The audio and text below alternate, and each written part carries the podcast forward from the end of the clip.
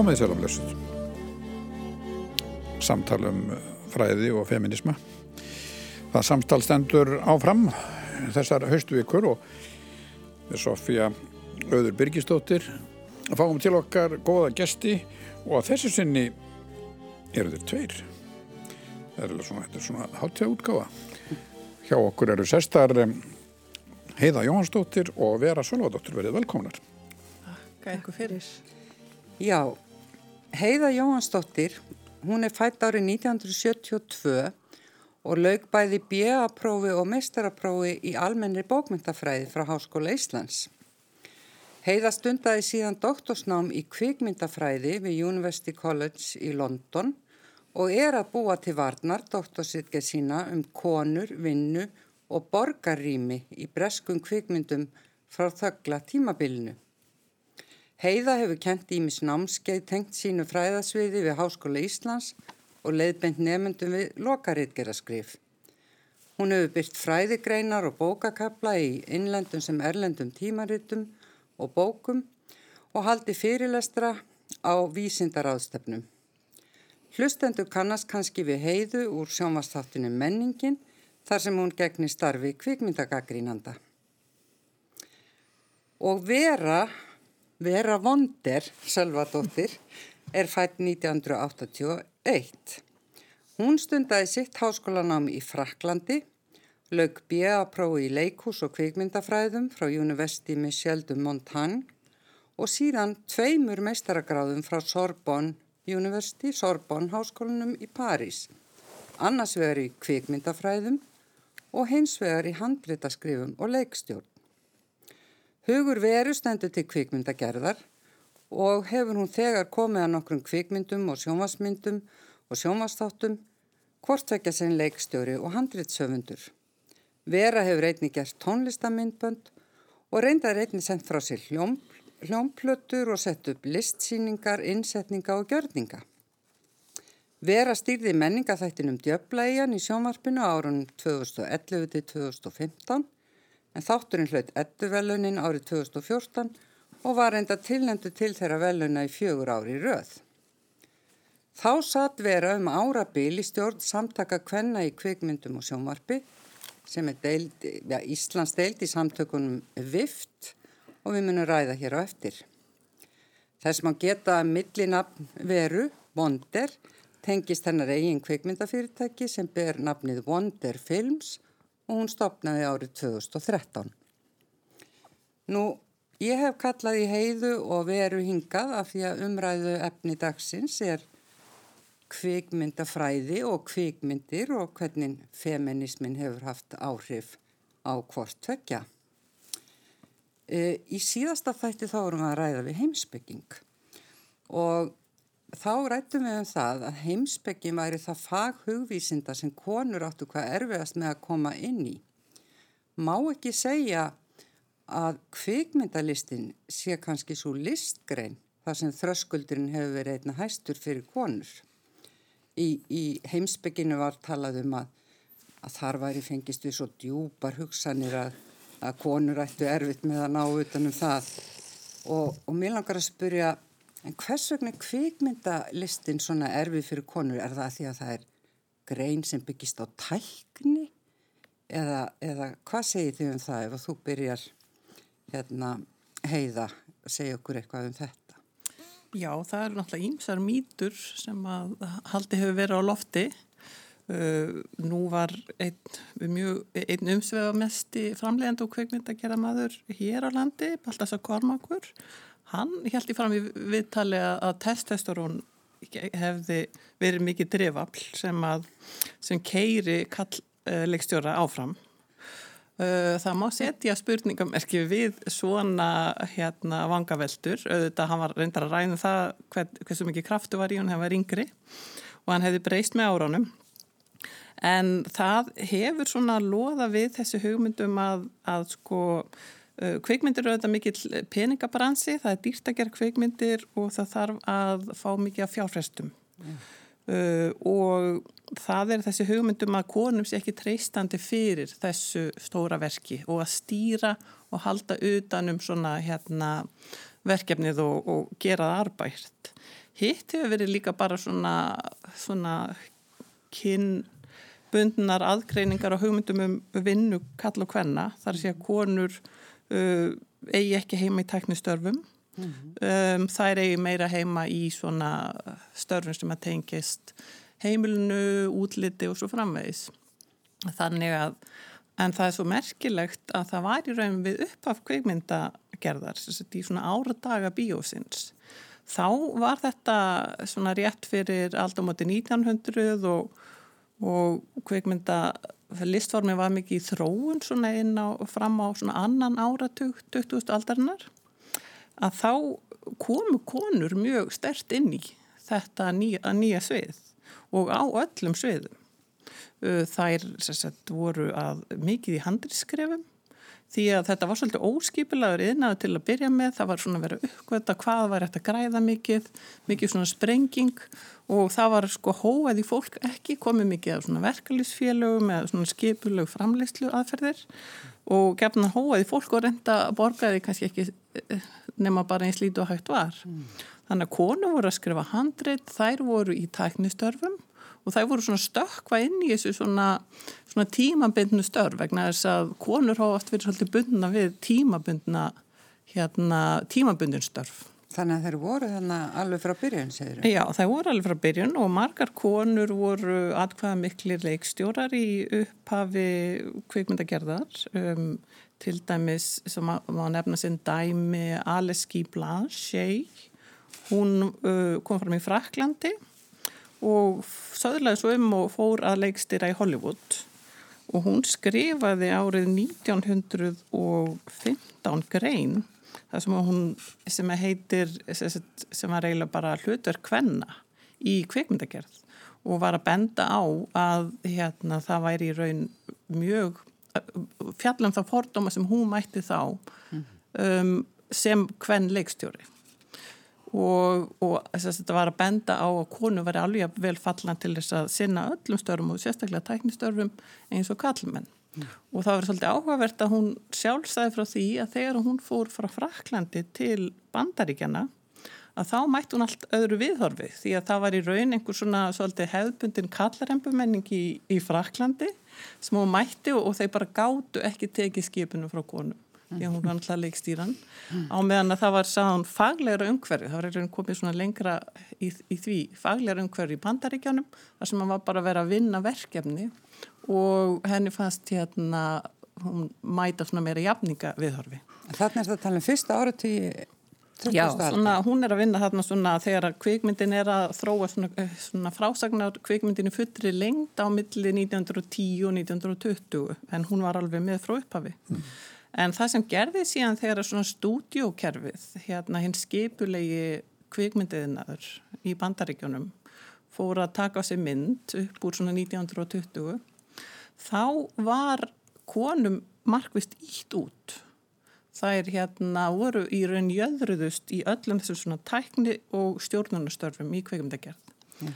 Vegna þess að þar voru sko peningarnir að koma inn og þetta verður svona stærri hérna fyrirtæki þar sem að var í raun meiri hérna, já bara meiri einokun og minni, minni tækifæri mm. Mm. og þannig að það er merkilegt að í raun frá upphafi þá voru kvik, konur síndu hérna þær voru mjög liðtökari kvikmyndaframleyslu á öllum svið En var svo ítt út og þá kemur uh, vera, sko það kemur hérna langt tímabil þar sem að, að konur eru ósýnilegar sem kvikmyndaframlegendur, leikstjórar, kvikmyndagerðamenn uh, og hvenar er, er þetta félag vift, kannski útskýrir þessa hérna, skamstöðum fyrir okkur, hvenar er það stopnað og, og, og hvers vegna? Já, uh, það var stopnað 2006 og vift stendur fyrir Women in Film and Television og kallum okkur reyndar oft KIKS hérna í Íslandi, það eru konur Í kvikmyndum og, í kvikmyndum og, og sjónvarpi. Uh, 2006 hér á Íslandi 2006 þá. hér á Íslandi en þetta eru alþjóðlega samtök og uh, já þetta er sérst stopnað 2006 og ég fór að fletta upp aðeins hérna nokkrum tölum frá Hagstofni sem sína það að á þessu tímambili þá var afskaplega lítið búið að koma út frá konum í bara ansi langan tíma og það hefur orðið eitthvað, eitthvað skona bakslag uh, sem að reyndar kannski aðeins að lagast bara núna á allra síðust árum að því að þessar hagstofu tölur sem að ég með eru frá 2018 Já. og sína til dæmis að bara frá 2012 til 2018 eru tölurnar eiginlega bara skelvilegar Já. Og þá ertu að tala um Ísland. á Íslandi, já, já. og hérna, já, þannig að ég held að þetta voru bara konur sem að komu saman og ákveða að stopna þessi samtök og þau eru búin að vera starfandi frá Og, og 2006. hvaðin er að þeim, þær voru ósattar með stöðu hvenna í Já. kvikmyndagerð. en svo í raun og veru fer ekkit svona lagast fyrir að við erum búin að hafa hátt í ansi langan tíma það var þarna smá sprenging 2013 manni á ettunni þá uh, var held ég engin kvikmynd í leikstjórn konu og það voru það fá hvern hlutverk að það náðist ekki að tilnefna í flokknum aðaleikona Já. og sem var til þess að við hérna, mættum allar í jakkafötum til þess að sína samstöðu og, og hérna benda á þetta Já. á svona frekar Má ekki líka að segja, hátt. má ekki segja líka að ræða Kristínar Jóhannesdóttur þegar hún tók við heiðisvölunum eddunar hafi líka verið svona ákveðin vakning og, og minnir okkur á hversu hérna ekki bara að aðgengi hvenna aðstyrk fjö heldur líka tólkunarhefðin hefur hérna í raun gert lítið úr, úr framlagi hvenna því að hún náttúrulega Kristín Jónsson kemur inn þarna í kvik, á kvikmyndavonu 1983 með bara full púsað meistarverk myndi ég segja á hjara veraldar. Uh, og enga síður þá hefur hún ekki verið talin til þessara frumkvöðla í svona á kvikmyndavorunu. Það er mm. ekki tala um Ræð Gunnlaugsson, Ágúst Guðmundsson, svona ólíka fulltrúa kannski svona höfundaverksins og, og raunsæðislegra kvikmyndagerðar. En hérna Kristín Jónsdótt kom náttúrulega með mjög áhugaverða svona listræna ströyma inn í kvikmyndagerðina þarna strax og bæði fræði og fræðihefðin hefur ekki lift hennar verkum upp heldur.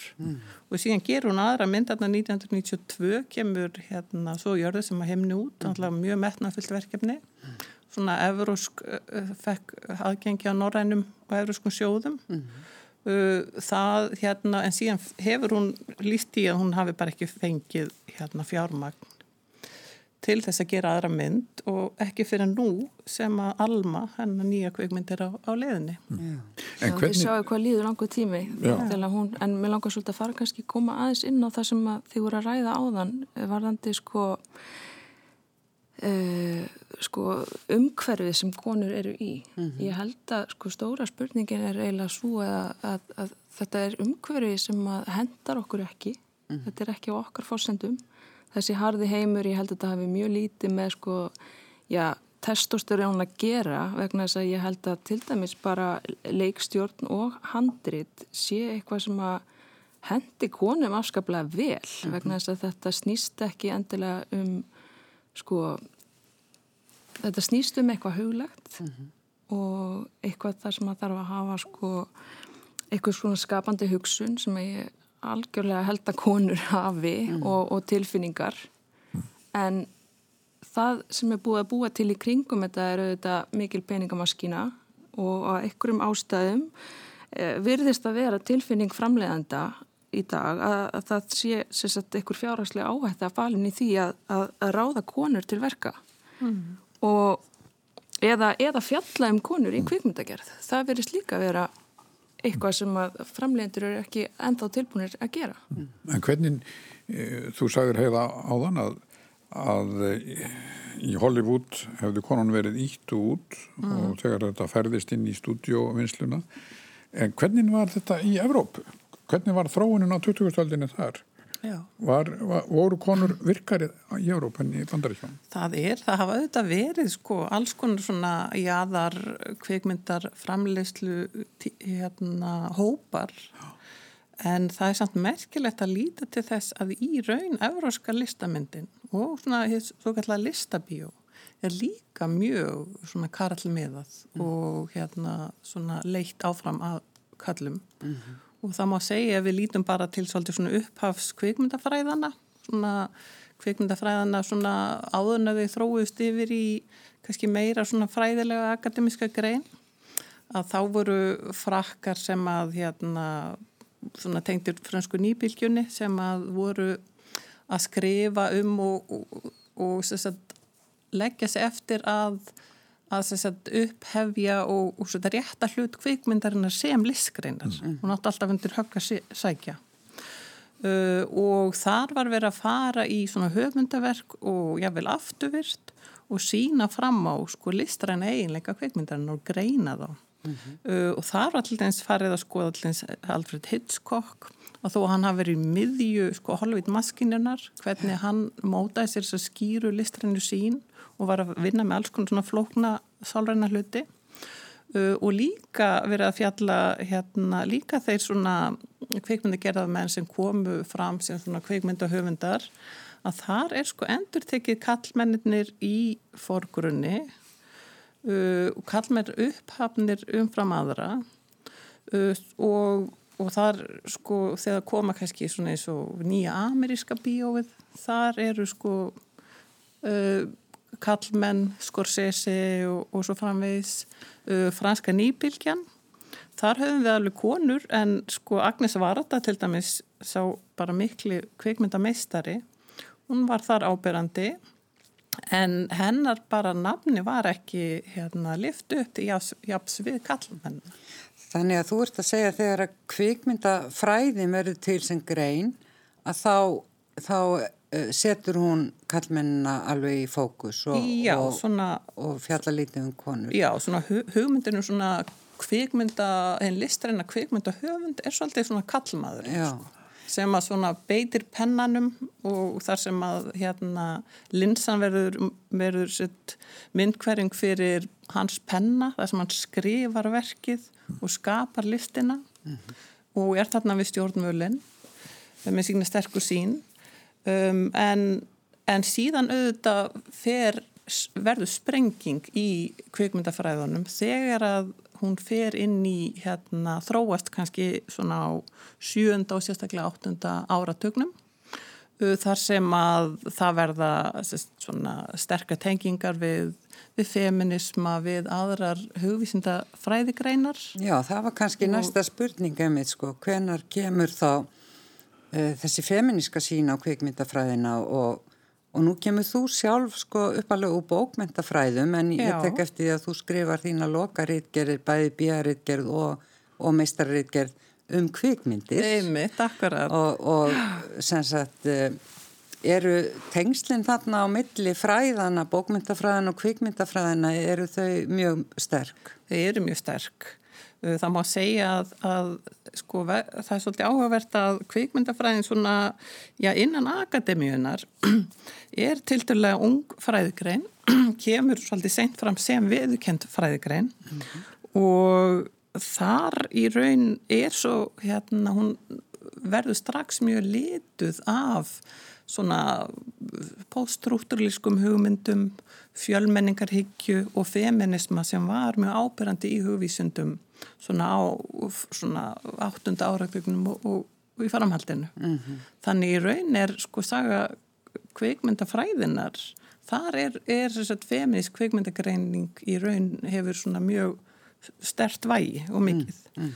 Það má kannski greina svona í tvent, þá er annars vegar komið fram í bandaríkjónum uh, fræðikonur og bladakonur sem hefur verið að hérna stúdera í Berkeley og stopnuðu tímaritið Women and Film. Uh, það var árið 1972 mm -hmm. og fóru að leggja sér eftir því að, að segja bara betur hvað er þetta hérna, sko, hvað er þetta með kvikmyndina og stöðu, stöðu hvenna í kvikmyndum. Mm fjárveru þetta hvenna sem leikstjóra og það byrjuði að, að, hérna, að grafast fyrir um og, og lifta upp þeirra verkum og svo hins vegar bara framsetning og byrstingamind hvenna í kvikmyndum hversu gríðarlega hérna uh, þröngsínar voru svona ítt undir hugmyndur um, um, um hefbundnar hugmyndur um hvenleika og svo ákaflega kynferðslega skilgrendar. Mm. Uh, síðan í raun kemur svona önnur bylgja feminisma hérna, þetta er nú reyndar um alls ekki að vísa hérna í bylgjur feminisma eins og hérna hefur rætt hérna í þessari sériu Nei, sérstaklega Þessi, mynda En hérna það, en það kemur svona önnur fræðibylgja frá Breitlandi þar sem að hérna sálkræningafræði og tákfræði mm -hmm.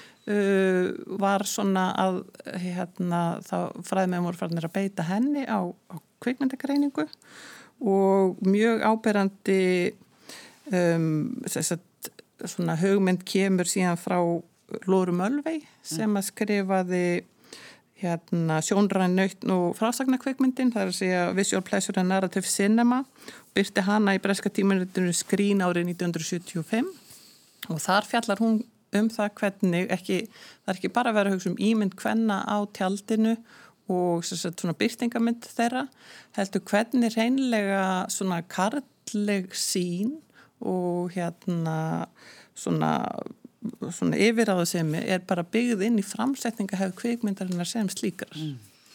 Við komum kannski nánar að einmitt þessari karlegu sín og, og, og svona mynd, hvern myndum í kvikmyndum en, mm. en vera þú laði líka stund á nám í kvikmyndafræðum mm. uh, og og þú ert hérna, já, einni kynnslóðingre en, en uh, heiða.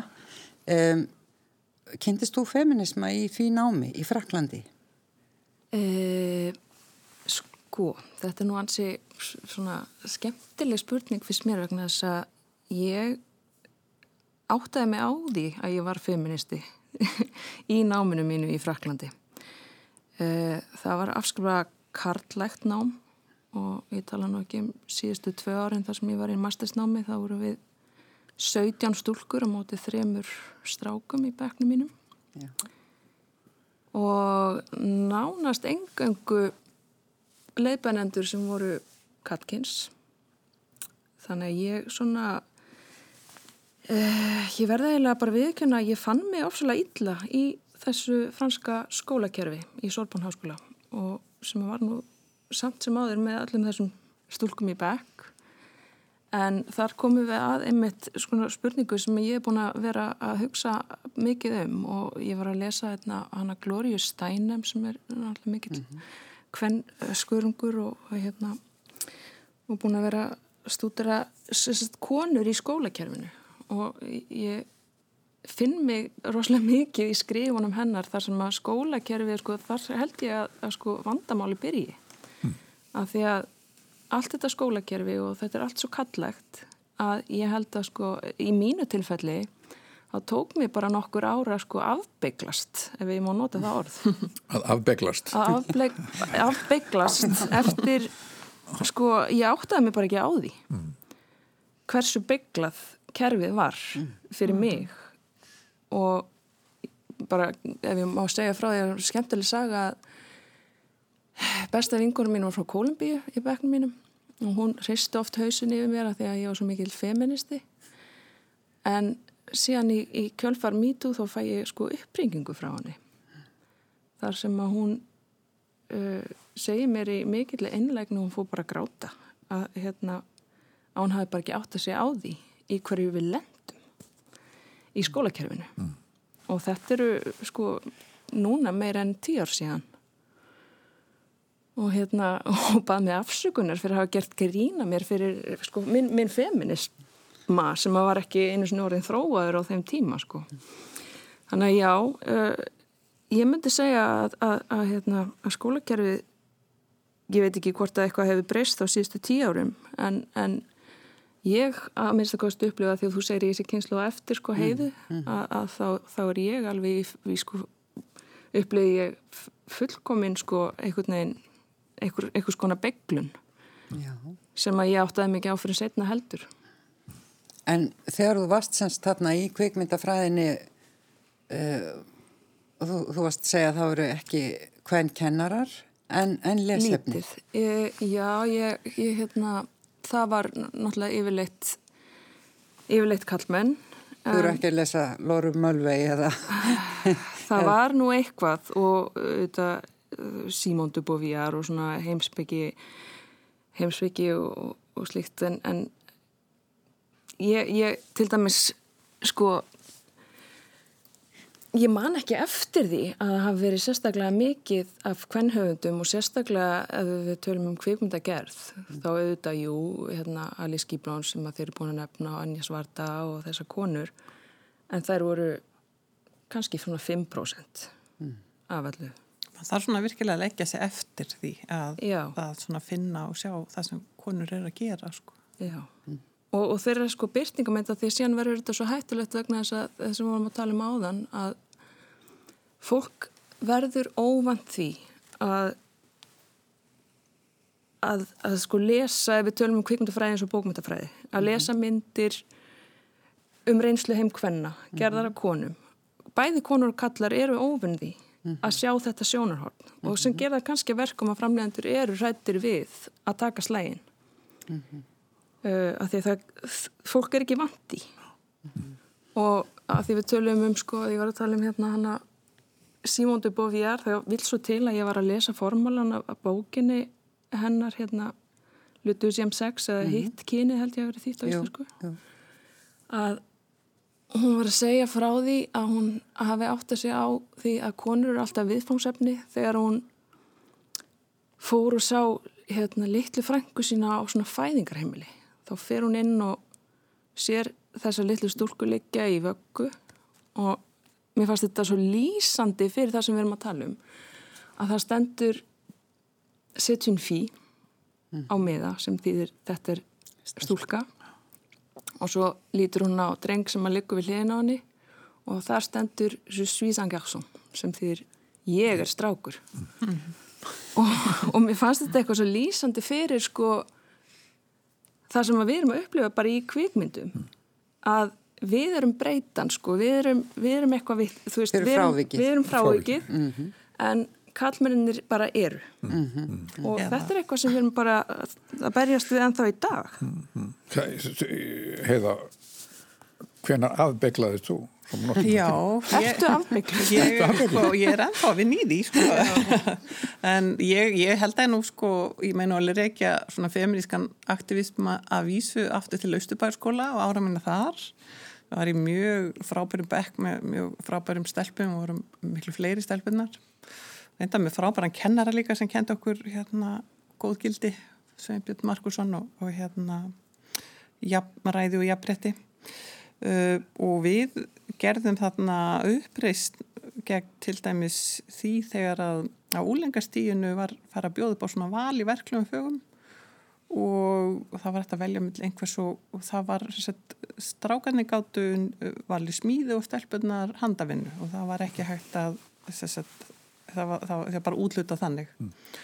og við sagt, mótmæltum þessu og fengum að fara í smíðina og velja á milli. Og ég held að ég vel eitt strákur að það færi yfir í handavinnuna.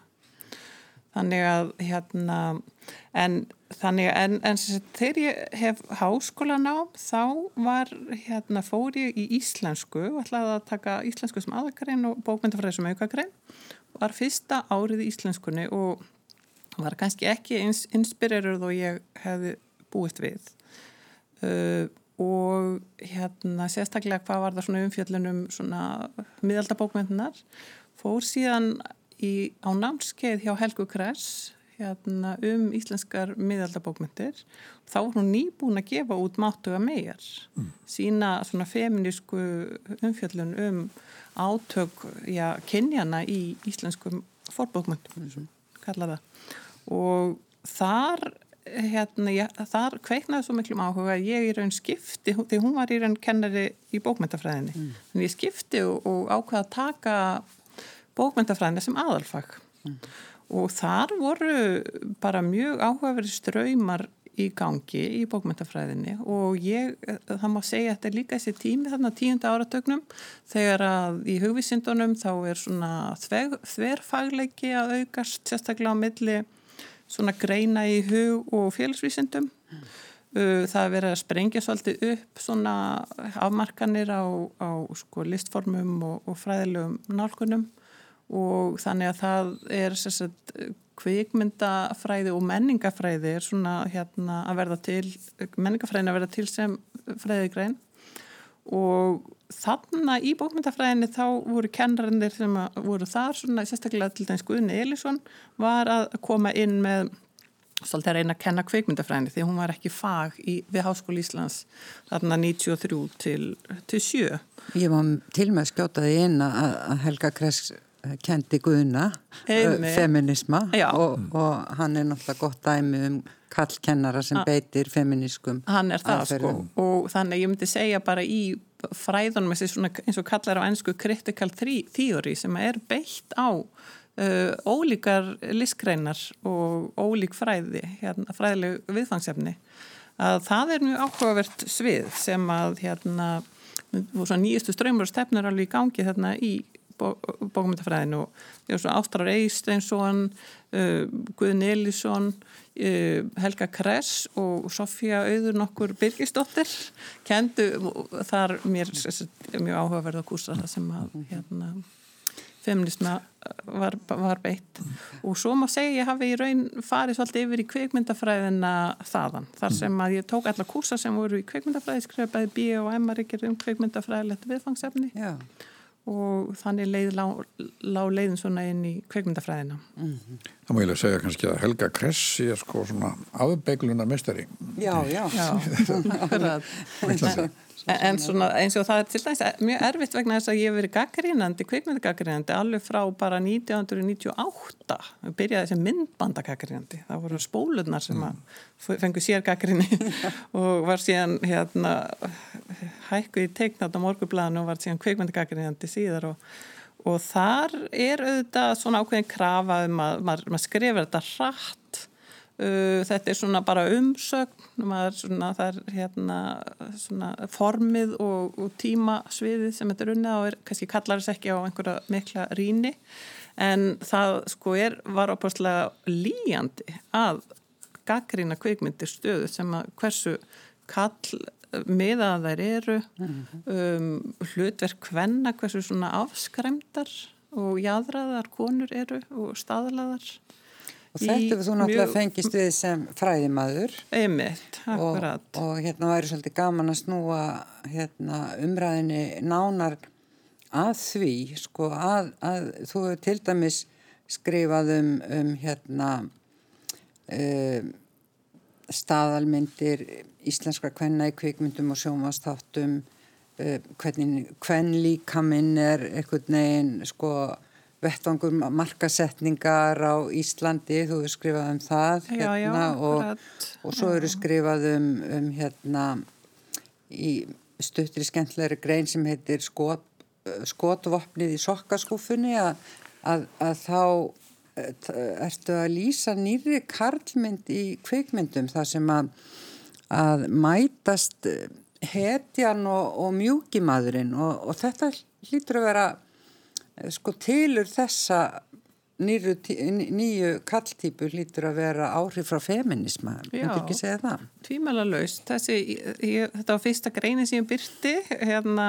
1998 í flögð og fögur skinn og og þar var náttúrulega sko bæði menningafræðin og svo áherslan á svona kyngerfisfræði þar segja gender studies. Þar segja líti ekki bara á hérna svona er bara svona skarast á við feminíska gaggrinni mm -hmm. þar sem verður að skoða hvernig bæði hérna, bæði sagt, í tvíhyggjunni hvernig kallega og kvenlega eru mótuð og hérna og, og rína í kallmennsku ímyndir og ég fjallaði þarna um þessa kveikmið sem The Rock og var eitthvað, fór eitthvað ómikið að greina harsánundir í hérna áhuga því og þar sem að hérna, Nicolas Cage og Sean Connery eru tveir að bjarga heiminum þar að segja. Hriðverkamenn hafa rænt einhverjum skófdóknum sem munu hérna, eigða allir San Francisco og það hérna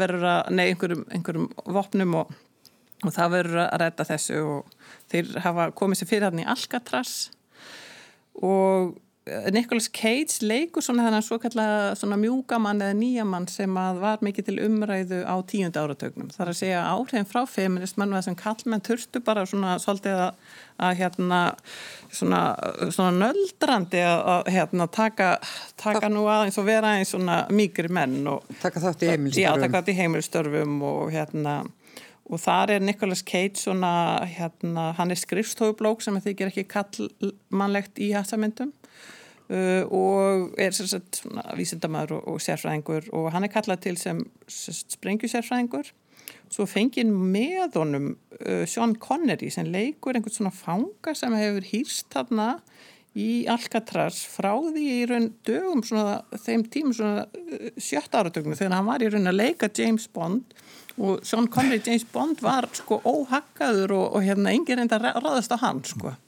Hérna engar efasemtur á hann hann er dreyin fram og hann og þeir mætast mm. og fara svona að pikka hver í annan í raun hérna og það má segja hann svona kemur upp úr hérna djúbunu og, og svona karlmennskar Nicolas Cage upp á nýtt mm. því hann er sérst hérna og þar er sko bara svona reður tákn alveg hérna út í gegnum myndina þar sem að hann er sko skotvapnið hans hafðir hérna í sokkaskúfunni og svo hérna hefur hann aldrei skotið og svo er þetta bara hans ferli að hérna virkja þetta skotvapn og, og skjóta, skjóta. aðlokum og hérna þannig að það er svona þroskasagan sem er í gangi hérna meðfram þessari svona samfélaglegu björgun sem á sér stað sko. Þannig að þetta sýnir líka þá einhverja svona andstöðu sko já, já. andstöðu gegn þessum mjúka manni og, og þessum áhrifum sko feministana Einmitt, og, og vilja alltaf kalla fram aftur gamla góða kallmenni sko. Já. Og Já, nei, ég ætlaði bara að segja sko nú hefur hún heldur betur þessi þessi kallmennska, þessi gamla góða kallmennska hún heldur betur fengið að baukin í raunni upp á síðkastið undir sko í raunni í, all, í kannski alltaf öðru samengi þar að segja með MeToo bildingunni og þar, og er eiginlega finnst mér e, í þessu samhengi mm. sko nú kemur þetta upp einmitt þetta fræga dæmi um kvikmyndaframleðanda e, Harry Weinstein. Já, Harvey. Harvey, er sko er þetta mikið er, er þessi áreitni og, og kynferðisleg um, kynferðisleg frekja eða hvað að kalla það sko, ábyrjandi í, í kvikmyndaheiminum. Vera getur þú svara því að hún, þetta náttúrulega sprettur MeToo-reyfingi sprettur upp í Hollywood? Já, ég menna algjörlega þeir sem ráða eru kallmenn Já. og það hefur verið þannig hinga til allavega. Mm. og er ennþá þannig. Og það er erfitt að vera kona í svona umhverfi mm. en síðan sko er þetta bara orðið svona eitthvað svona norm og ég held að þessu marga konur sem hafa bara ekki átta sig fyrir en að þetta kemur upp, me too sko hversu mikið hefur verið brotið á þeim mm. Alveg eins og vinkona þín sem þú varst að segja frá Já, á það. Já, akkurat. Sem mm. maður ringir í mig bara grátandi eftir, eftir tíu ár, sko. Mm. Uh, af því að það er búið að normalísera svo mikið þetta attitude eða þetta þessa hegðun, þessa hegðun mm. að við sko mm-hmm. tökum ekki eftir þessu lengur ekki eins og við sjálfar. Já. Og í krafti valds og peninga sem alltaf fer saman að þá hafa Já, þeir geta bara vald og peningar því þið líka þöggun Já vegna þess að þú vilt ekki heldur rugga bátnum eða styggja sko ekki, ekki, ekki já, auðvitað setja þína eigin stöðu í hættu. að sjálfsögðu. Já. og ég held að við konumst alla við það. Já. það er líka áhugavert út af því sem vorum að ræða um að sko að Harfi Weinstein náttúrulega hérna er þessi mikli hérna svona ímynd hans var það að vera svona frumkvöðli í óháðri kvikmyndagerði í, í bandaríkjum og framlegandi á samt bróðu sínum á Miramax-films sem að var í raun hérna afl sem að var svona enduníjandi og, og spennandi á, á svona tíunda áratögnum og, og síðar. Til þess Perfection kemur út í, í hérna í þessari svona hérna, í þessari kreðsum það er að framleiða allar aðal myndirnar og sko það eru engin að standa upp í hárun og ekki hvorki sko kallar nýja konur. Einmitt, akkurat og, og það er í raun merkilegt því að stúdjókerfið einhvern veginn eða svona stórfyrirtækja menningin í raun gleipir alltaf sko vaksasbrótana. Það má segja að sko það, við höfum annars vegar stúdjókerfið í bandaríkjónum sem að leisti svolítið upp upp úr 1960 þegar að það kom svo mikið samkeppni frá sjónvarpinu og þannig að hérna og það voru fjallu dómar um fákeppnis, bann við fákeppnis tilbyrðum þessar stórfyrirtækja. Um, og síðan hefst þá svolítið svona tímabil óháðrar kvikmyndagerðar og hún síðan í raun þjappast undir þessu stóru fjölþjóðlegu uh, fjölmjölafyrirtæki sem að eru að eignast gömlu stúdjónöfnin og fara síðan og, og hérna stopna í raun sko sérstök fyrirtæki fyrir óháða kvikmyndagerð. Mm. Það sem að aðeins meira rými er en enga síður hérna er komið inn í svona þessa, þessa peningahyggju og og þar sem að þá kallar uh, stjórna öllu mm. þó svo að þetta sé ímyndinum sko listarænu kveikmyndina ja, og óháðu kveikmyndina Þú hefði talað um Tarantino og, og, og þetta eru svona menn sem að hafa einmitt sko komið fram eftir á Akkur. og byggðist afsökunar Já. vegna þess að þeir vissu hvað verið í gangi Já. þeir bara sögðaldri nett mm. Emitt, emitt. En er ekki þarna á ferðinni eitthvað í, í, þessu, í þessari formgerð eh, sko kvikmynda yðnaðarins að völdin verða svo, þau verða svo mikil, þau verða svo samþjöppuð í hjá þeim sem, já hjá leikstjórum, mm. frægum leikstjórum, þessuna mm. framleiðendum líka. Eh, þú heiða varst að sína okkur, benda okkur á, á myndskeið þar sem emitt meistari sko Alfred Hitchcock er með svona dalti hrútslega uh, hvað var að segja? Uh, kemur, hann er svona hrútslegur í, í samskiptum við, við konur. Já, einmitt, sko, í, í doktorsansókninu minni var ég að skoða kvikmyndir Alfred Hitchcocks frá því að hann var í Breitlandi þar sem frá þöglatímanum á mm. þriðaratögnum og það rakst ég á uh, svona myndbrot sem tengist kvikmyndinu Blackmail sem hann gerði þarna 1929 gerði hann að bæði í þögulli og í talútgáfu. Mm. Þetta var akkurat á umskiptunum yfir í taltæknina og hann byrjaði með þetta sem, sem þögult projekt og leikona sem að hérna, heitir Anni Ondra er í aðalhuturki þar. Hún hefur verið hérna svona, svona frönsku nýbilgju hérna, skólan, það er svona kæirdu sinema spyggingunum köllu svona fyrsta Hitchcock blondínan Þannig, þannig hefur hún verið innsikluð í kvikmyndasöguna en þetta var bara merkileg, konar með mikla reynslu í Európsku kvikmyndagerð og hún var með þennan ungveska hreim þannig að það var það kalla til aðra satt, leikonu sem að talaði yfir hana, mjög svona tákrænt mm -hmm. í talútgofinni.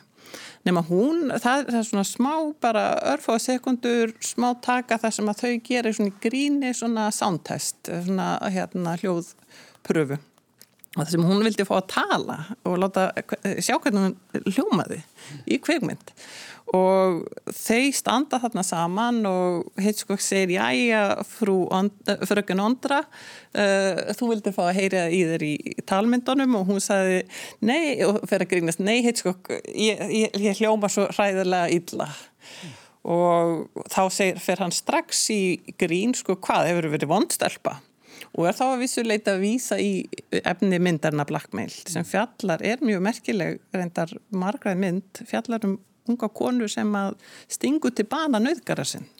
Uh, og sektina sem fylgir og sagt, hún á, á kærasta sem er leinirlauglumadur og það má segja hann ná í raun alveg endalun tökum á henni þegar hún var svolítið svona efinsum hvort hún vildan þegar hann áttar sig á hérna, finnur sönnunagagn áttar sig að hún er hérna, morðingin og hilmir yfir og svona eiginlega svona lokast utanum hann svona hérna feðraveldið í lokin. Samkvæmt minni tólkun en, en hérna tólkunahefðin hefur alltaf fjallað með um þessa mynd sem svona dæmigerða hitskokk mynd sem kallhetjan sem er í raun kærastinn sem er ekki aðalhuturki í raun. Uh, við sjáum þetta þema Hitchcock þar sem við sjáum hetjum þar að velja á milli skilduverka og ástar, svona romantísk mm. tólkunahöf. En hann, hann vísar, Hitchcock vísar í umfjöldefni myndarnar en segir við Anni Vandra já þú hérna hvað hefur verið slæm stelpa, hefur gert eitthvað að þér og hún heldur áfram bara nei og þá segir hann hvað hefur, hefur svo hjá kallmennum Já, og, þú hefur svo hjá kallmennum Já, einmitt, akkurat. Og, og hún byrjar að reyna að færa sig frá og bara verður opaslega vandarlega bara nei! Og við heyrum svona hlátur á bakvið hérna, tökuvillannar á settinu. Og þá eh, gefur hann í og klæmist alveg reyllilega í henni. Og þegar hún reynir að segja svona nei og fara burt og segja hann, heyrðu þú var að standa kyrr annars hérna kemur þetta ekki rétt út.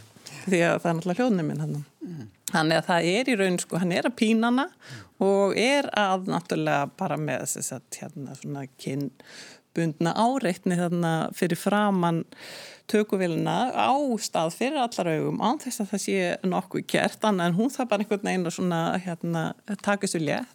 Og svo svo merkilegt að þessu hefur verið haldið þessu myndskeiði uppi í hefðinni sem þessu skemmtilega hérna, myndbroti sem að gefur okkur insýn í hérna hinn líflega húmor Al Alfred Hitchcock sko. Ég held að það sé bara ágættis einsýn Þannig að við sko mýtú náttúrulega á auðvitað rætur, það var svo djúpa rætur hérna ábeldi konum sagt, aftur í stúdjókerfið Ég verð bara að segja að þetta bara hljóma bara eins og mín skólaganga sko. Já, Já. akkurat sko. Heyrðu, en mér langar að nota síðustu mínúturnar uh, í smá uh, huglegingu kannski frá þér vera um hvort að við séum að einhverjum tímamótum. Eh, við erum búin að minnast á Kristínu Jóhansdóttur og, og hennar langa tíma sem líður á milli hennar mynda og svo höfum við Guðni Haldósdóttur og svona freka fáar svona formæður ef ég get nota það orð en svona undarfærin ár höfum við verið að sjá myndir eftir ungar konur, Ísald Uggadóttur, Ásu Helgu Hjörlusdóttur, Silju Högsdóttur, uh, Veru Vonder og, og, mm. og fleiri uh, konur og, og bara núna alveg nýlega var frumsýnd bíómyndin Agnes Joy eftir Silju Högsdóttur þar sem að, að konur eru á nær öllum postum, uh, sérstaklega listrænu postum hérna uh, kveikmyndarinnar. Uh, Hvað segir þú vera? Er, erum við að sigla inn í blómaskeið uh, kvikmynd að gera íslenskra kvenna? Mikið væri það nú gaman. Ég vil bara eiginlega fá að trúa því. En líka, sko, um, ég má kalla eldri kynnslóðin eins og segir Kristín Jóhannesdóttir og Ástildur Kjartansdóttir og Guðrún Ragnarsdóttir eru að fá tækifæri og hérna, en ég, sko, ég hjóaði það var rosalega skemmtileg hátíðar gusa á riff núna síðast alþjóðlegu kvimtátiðinni uh, sem hún fór með hún Ardís Hrönn leikona og ég er að vonast til að þetta sé að lagast. Ég menna kveikmyndasjóður er að gera sitt kveikmyndamistuð í að, að auka framlega hvenna til kveikmyndagerðar og vonandi sko leikstjóru á handritsöfunda uh, það sem að hún sagði fannst mér alveg frábært vegna þess að það hefur svo oftur að hvetja okkur til þess að búa til kvikmyndir um sterkar konur og, og sína hvað konur eru sterkar og, en ég sko er sammálaðinni artísi vegna þess að hún vil fá allt litrófið. Hún vil líka að við fáum að sjá veikar konur. Ég held að sko við konur þurfum að fá tækifæri til þess að sína konur eins og við sjáum þær og, og vinna í þessum bransa á sko okkar forsendum, ekki reyna að, að tróða okkur inn í þetta beiglaða kerfi sem við erum búin að vera að tala um. Ekki tróða okkur inn í sko að búa til gamla sóstur eins og við erum búin að vera að gera þær. Heldur að leif okkur bara að vera þarna eins og við erum á okkar forsendum og gefa okkur tækifæri og ég er ekkert sko frá því að, að, að sko það mætti alveg koma með einhvers konar kvótakerfi, einhverja jákvæða meismunun með að við allt sem er búið að eiga sér stað. Mm. Hér, hér verður við láta staðanum eins. Vera Vonder Salvadóttir, ekki vel að halda áfram að gera kvikmyndir og uh, heiða Jónsdóttir þakkaði fyrir að koma og þú stendur vaktina og greinir og gaggreinir. Takk fyrir í dag. Takk fyrir.